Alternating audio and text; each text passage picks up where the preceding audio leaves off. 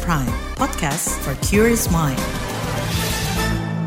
Halo saudara, selamat sore. Senang sekali bisa menyapa Anda kembali melalui program KBR Sore edisi Kamis 25 Mei 2023. Saya Malika kembali menemani Anda selama kurang lebih 30 menit ke depan. Sore ini kita membahas mengenai antisipasi krisis pangan di Indonesia imbas fenomena El Nino. El Nino adalah fenomena pemanasan suhu muka laut di Samudra Pasifik bagian tengah yang memicu kekeringan di wilayah Indonesia. Karena itu pemerintah didorong untuk menyiapkan antisipasi sejak dini guna mencegah terjadinya krisis pangan, terutama beras. Kondisi ini juga membuat petani cemas karena khawatir kekeringan bakal terjadi lebih lama. Lalu bagaimana upaya pemerintah mengantisipasi dampak El Nino terhadap produksi beras? Selengkapnya kita bahas di KBR sore.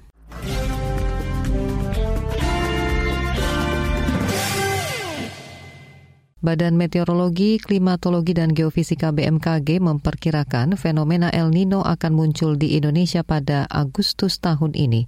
El Nino merupakan fenomena pemanasan suhu muka laut yang berpotensi menyebabkan kekeringan di sejumlah wilayah. BMKG juga memperkirakan musim kemarau tahun ini akan lebih kering dibanding biasanya, serta bisa terjadi hingga awal tahun depan. Berikut pernyataan Kepala Sub Bidang Produksi Informasi Iklim dan Kualitas Udara BMKG, Siswanto. Terkait dengan kekeringan pertanian, beberapa wilayah yang musim kemaraunya saja itu sering mengalami uh, kekeringan gitu ya, maka itu juga akan diperkirakan memiliki dampak yang cukup signifikan pada saat kejadian El Nino. Tahun ini untuk sifat musim kemarau sendiri 47 persen itu sifatnya normal, kemudian 47 persen yang lainnya di bawah normal. Itu menunjukkan bahwa pada musim kemarau saat ini itu uh, lebih kering dibandingkan tahun yang lalu. Dalam rapat koordinasi pengendalian inflasi daerah Senin lalu, Menteri Dalam Negeri Tito Karnavian meminta kepala daerah mengantisipasi dampak kekeringan terhadap produksi pertanian. Ini perlu kita waspadai, yang dampak lainnya adalah masalah panen. Produksi pangan dikarenakan adanya kekeringan-kekeringan ini. Nah, untuk itu mungkin setiap daerah perlu mulai mengidentifikasi apakah ada dampak dari kurangnya pasokan air kurangnya curah hujan misalnya di daerah bapak-bapak dan ibu-ibu sekalian yang akan dapat berakibat terjadinya ketidakcukupan atau kelangkaan pangan tertentu. Nah kalau ada segera untuk dilakukan langkah-langkah intervensi, terutama dinas pertanian, perdagangan, mulai bekerja untuk menyiapkan mengambil plan B untuk mencari stok untuk mencukupi daerah masing-masing. Jangan sampai kemudian terjadi panik buying dan kemudian memicu kenaikan inflasi. Itu tadi Menteri Dalam Negeri Tito Karnavian. Sebelumnya Kementerian Pertanian telah mendorong para petani untuk mempercepat proses masa tanam. Direktur Jenderal Tanaman Pangan di Kementerian Pertanian Suwandi meminta petani segera mengolah lahan setelah panen rampung. Petani juga diharap menggunakan varietas benih unggul super genjah. Benih itu dinilai lebih tahan saat musim kemarau. Ini disampaikan Suwandi saat diskusi daring akhir April lalu. Nah, kemudian terkait dengan uh, iklim ini, maka kebijakan Bapak Menteri Pertanian untuk dilakukan percepatan tanam. Setelah memasuki panen raya, hampir berakhir ini di bulan Mei, kita harus melakukan percepatan tanam. Setelah panen, jangan lama-lama ditanam lagi, tapi dengan berbagai upaya-upaya uh, lainnya yaitu pertama percepatan tanam jangan lebih dari 14 hari. Bahkan beberapa daerah senang saya maksimal 10 hari sudah diolah. Tapi jangan lupa waktu olah tanah dengan traktor dilakukan uh, penyemprotan biodecomposer untuk mempercepat proses pelapukan Seme sebaiknya di luar untuk mempercepat tanam jadi sistem jule belum olah lahan sebenarnya sudah siap. Jadi begitu olah lahan langsung bisa ditanam ini untuk percepatan dan sekarang lagi favorit gunakan benih-benih padi unggul super gejah dan gejah dan sudah disiapkan penangkar-penangkarnya ini juga dalam rangka mendorong peningkatan indeks pertanaman itu tadi Direktur Jenderal Tanaman Pangan di Kementerian Pertanian Suwandi. Saudara pemerintah mengeklaim telah menyiapkan cadangan beras untuk mengantisipasi turunnya produksi imbas fenomena El Nino. Tahun ini pemerintah akan mengimpor beras 2 juta ton secara bertahap. Presiden Joko Widodo tak ingin pemerintah bingung ketika kehabisan beras saat musim kering panjang melanda. Pernyataan itu disampaikan Jokowi usai tanam padi bersama petani di Tuban, Jawa Timur awal April lalu jaga-jaga itu cadangan strategis untuk beras pemerintah untuk jaga-jaga karena ada persiapan ada El Nino. Presiden Jokowi meyakini penugasan impor beras 2 juta ton tidak akan mengganggu harga beli gabah di tingkat petani. Selain berdampak pada pertanian, ancaman kekeringan akibat fenomena El Nino juga bisa menyebabkan kebakaran hutan dan lahan atau karhutla. Musim kering yang makin lama berpotensi memantik titik-titik api di lahan tandus. Jutaan hektar lahan pernah terbakar saat El Nino melanda tahun 2019. Beberapa daerah menjadi langganan karhutla setiap tahun. Apa strategi pemerintah untuk mencegah kebakaran hutan dan lahan? Selengkapnya akan dibahas di laporan khas KBR berjudul Upaya Pemerintah Mengantisipasi Karhutla karena El Nino. Tetaplah di KBR sore. You're listening to KBR Pride, podcast for curious mind. Enjoy!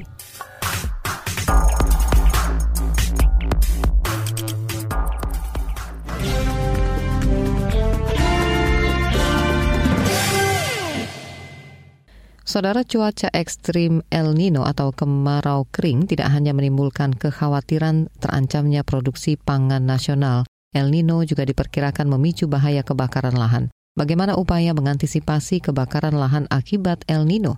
Berikut laporan khas KBR disusun reporter Ardi Ridwansyah. Kementerian Dalam Negeri terus mengingatkan pemerintah daerah untuk mewaspadai ancaman kebakaran hutan dan lahan akibat fenomena iklim ekstrim El Nino. Peringatan antara lain disampaikan Menteri Dalam Negeri Tito Karnavian dalam rapat koordinasi pengendalian inflasi daerah pada pertengahan bulan ini. Yang perlu kita waspadai juga adalah eh, masalah eh, kekeringan. Kita tahu bahwa dari tahun di tahun 2015 itu ada fenomena yang bernama fenomena alam yang bernama El Nino. Tapi 2016 sampai tahun 2022, El Nino itu mengakibatkan kekeringan dan terbakar hutan-hutan di daerah Sumatera bagian timur, Kalimantan Barat, Kalimantan Tengah, kemudian Kalimantan Utara sebagian, bahkan asapnya sampai ke negara lain sebelah tetangga.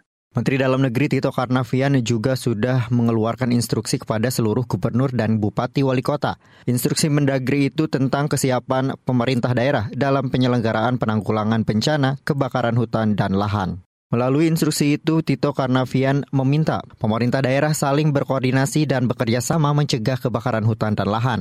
Misalnya melakukan patroli bersama di titik rawan kebakaran serta memanfaatkan teknologi satelit dan pemeriksaan lapangan. Data Kementerian Lingkungan Hidup dan Kehutanan memperlihatkan kasus kebakaran hutan dan lahan cenderung naik turun selama 2016 hingga 2021. Kebakaran hutan dan lahan terparah yang dipengaruhi oleh El Nino terjadi pada 2019.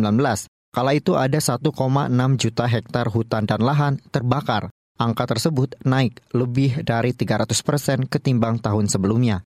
Provinsi yang kerap dilanda kebakaran hutan dan lahan antara lain Kalimantan Barat, Nusa Tenggara Timur, Riau, Jambi, dan Kalimantan Timur. Kebakaran hutan dan lahan yang terjadi di wilayah tersebut menyebabkan kualitas udara memburuk, bahkan efeknya hingga ke negara tetangga seperti Singapura dan Malaysia. Peringatan pemerintah juga disampaikan Menteri Koordinator Bidang Politik, Hukum, dan Keamanan, Mahfud MD. Ia meminta pejabat pemerintah daerah berkoordinasi juga dengan Badan Nasional Penanggulangan Bencana Daerah, BPBD. Mahfud juga meminta perusahaan-perusahaan yang berkaitan dengan pengelolaan hutan tidak bertindak nakal, terutama saat kemarau panjang kepada perusahaan-perusahaan yang juga berkaitan dengan pengelolaan hutan itu supaya tetap dalam posisi seperti belakangan ini yaitu ikut menjaga bersama. Karena kalau terjadi sesuatu akibat yang ditimbulkan atau kerugian-kerugian yang timbul juga akan menimpa perusahaan-perusahaan.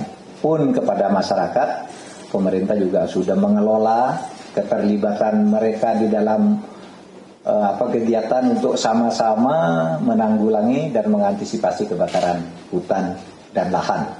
Mahfud juga menyampaikan kekhawatiran dan situasi menjelang pemilu. Menurutnya tahun politik bisa membuat pimpinan daerah lalai bekerja mengantisipasi kebakaran hutan dan lahan karena sibuk pada kegiatan politik. Badan Nasional Penanggulangan Bencana BPBD memetakan ada enam provinsi yang menjadi prioritas penanganan pencegahan kebakaran hutan dan lahan. Tiga provinsi di wilayah Sumatera yaitu Riau, Sumatera Selatan, dan Jambi. Tiga provinsi lain di Kalimantan yaitu Kalimantan Barat, Kalimantan Tengah, dan Kalimantan Selatan. Kepala BPBD Suharyanto mengatakan meski ada enam provinsi prioritas, tidak menutup kemungkinan ancaman kebakaran juga mengancam wilayah lain dan perlu diantisipasi. Yang pertama di operasi darat, ya di darat ini sebelum titik api ini membesar sudah dipadamkan oleh TNI Polri, oleh pasukannya Ibu Menteri KLHK ini sangat besar dan banyak begitu. Kemudian ada operasi udara. Operasi udara didukung oleh BNPB menggunakan helikopter, baik helikopter patroli maupun helikopter waterbombing yang menyiram pakai air dengan campuran-campuran kimia sehingga api itu segera padam.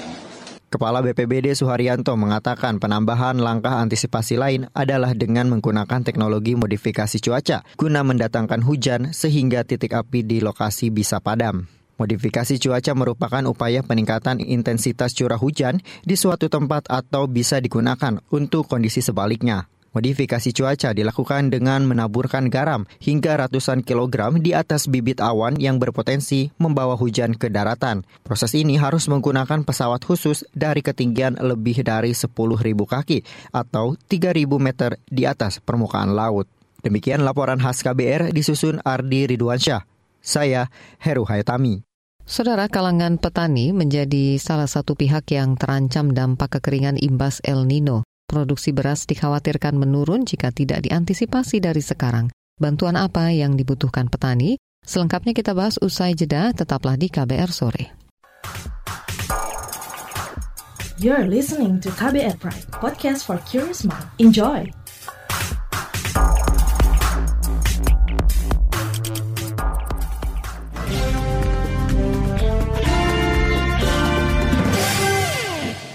Kita kembali lanjutkan KBR sore. Saudara sebagian petani mulai mengeluhkan minimnya pasokan air di awal-awal musim kemarau.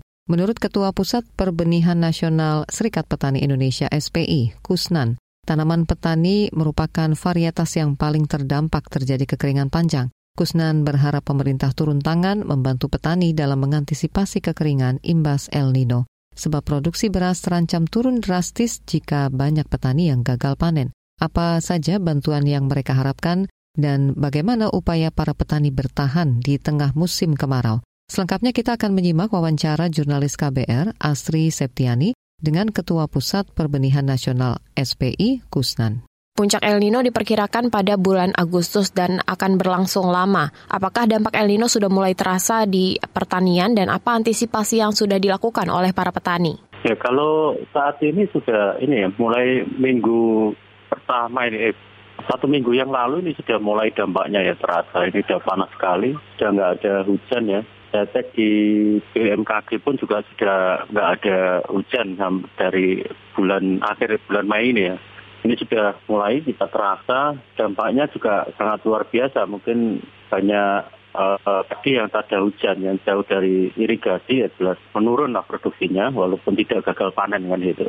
Nah antisipasinya ya petani sudah sebenarnya sudah kita antisipasi sejak awal ya. Jadi uh, ada namanya percepatan masa tanam karena uh, untuk mengejar air hujan itu. Paling terdampak itu padi. Kalau jagung itu butuh air tapi tidak selalu butuh air ya, tapi tidak tidak seperti padi lah. Terkait upaya percepatan penanaman yang Bapak sebutkan tadi, apa bibit yang digunakan oleh para petani begitu untuk mengantisipasi adanya kekeringan dan apakah selama ini bibit yang dimiliki oleh Indonesia sudah cukup untuk uh, tahan begitu terhadap kekeringan? Ya, kalau sekarang sebetulnya belum ya, belum tapi di balik penelitian di pemerintah itu ada, tapi sampai sekarang belum didistribusikan ya. Yang selama ini didistribusikan hanya uh, padi Serang, kemudian IP, Inpari, Inpari 32 ya, yang ini masih diperbantukan oleh ke petani ya melalui kelompok tani. Nah, kalau seharusnya ada El Nino ini untuk mengantisipasi ya benihnya harusnya yang umurnya pendek ya Nah, seperti uh, eh, SPI, SPI kita punya uh, jenis padi dua yang kita hasilkan, yang kita uh, silangkan itu ada padi SPI 20 itu 75 hari setelah tanam itu sudah panen. Sedangkan yang kedua itu ada SPI 21 itu 85 hari setelah panen. Nah itu untuk sebenarnya uh, tinggi yang SPI 21 itu untuk menghadapi uh, musim lanina sebetulnya yaitu tahan cuaca, cuaca ekstrim, ya, tahan banjir. Itu kita punya dua, yang satu untuk uh, tahan yang banjir, rendaman, yang satu untuk tahan kekeringan. Ya, jadi kalau di luar SPI, nah itu pemerintah itu sebenarnya ada tapi belum saya tahu tapi belum belum pernah didistribusikan ya. Nah kalau di luar SPI ya tentu aksesnya agak sulit ya karena kita dibatasi oleh peraturan juga untuk mendistribusikan secara luas. Tapi kalau SPI sendiri sebagai anggota SPI ya kita tidak ada kesulitan karena sebagai anggota kita yang kita dampingi dan sebagainya. Lalu apa harapan petani kepada pemerintah dari sisi bantuan ataupun inovasi begitu yang dibutuhkan untuk mengantisipasi ancaman kekeringan? Ya, yang pertama tadi ya benih tadi ya. Ini ini untuk masa ke depannya ya bukan sekarang harus jadi antisipasi pertama adalah benih yang uh, tahan kering juga yang umurnya pendek ya cepat panen. Akhirnya masih ngatasi lah untuk uh, uh, apa ketersediaan air hujan tadi. Nah yang kedua adalah uh, jika tidak ada air hujan mungkin pakai teknologi uh, sumur bor itu ya irigasi sumur bor. Uh, kemudian uh, apa ya listrik ada listrik masuk uh, sawah istilahnya untuk uh, apa pompanisasi itu melalui pompa sipil ya dalam tanah itu. Itu bisa mengantisipasi uh, gagalnya panen di saat-saat uh, apa musim kemarau atau El Nino ini. Itu tadi perbincangan jurnalis KBR Astri Septiani dengan Ketua Pusat Perbenihan Nasional SPI Kusnan. Saudara persiapan dan antisipasi harus dilakukan jauh hari sebelum El Nino masuk ke Indonesia. Pemerintah diminta memenuhi kebutuhan petani agar produksi beras tetap terjaga. Apa langkah yang bisa ditempuh? Selengkapnya kita bahas di KBR sore sesaat lagi. You're listening to KBR Pride, podcast for curious mind. Enjoy!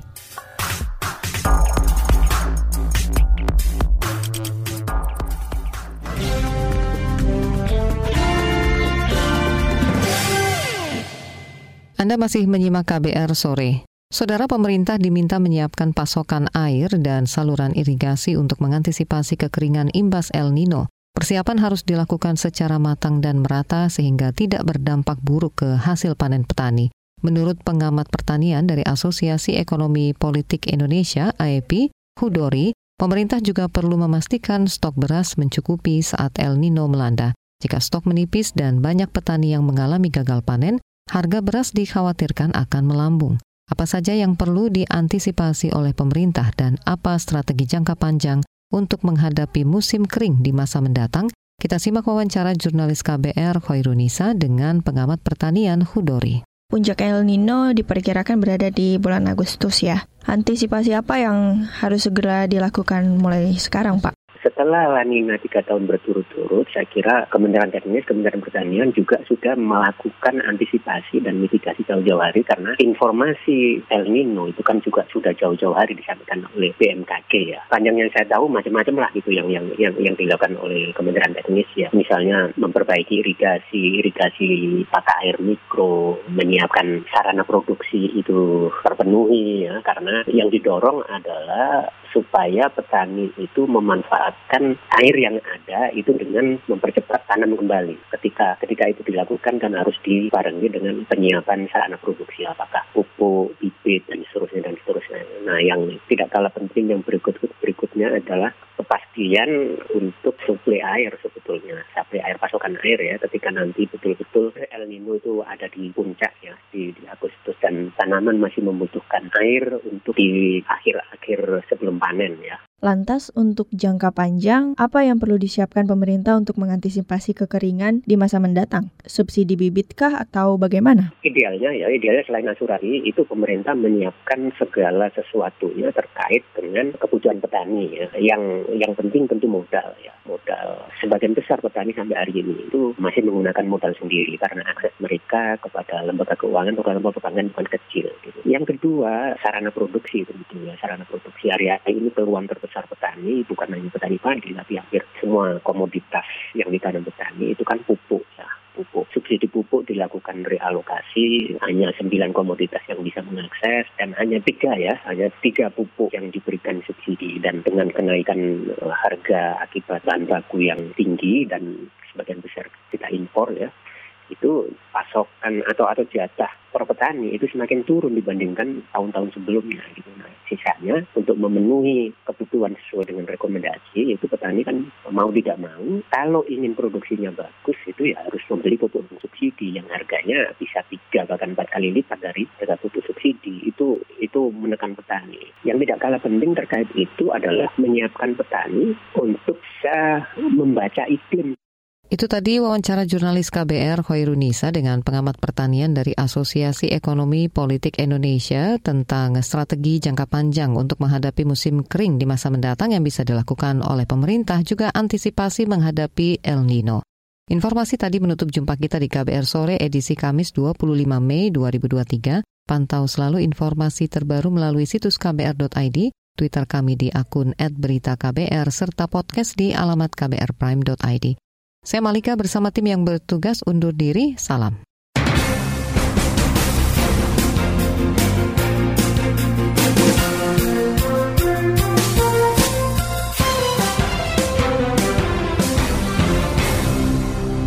KBR Prime, cara asik mendengar berita. KBR Prime, podcast for curious mind.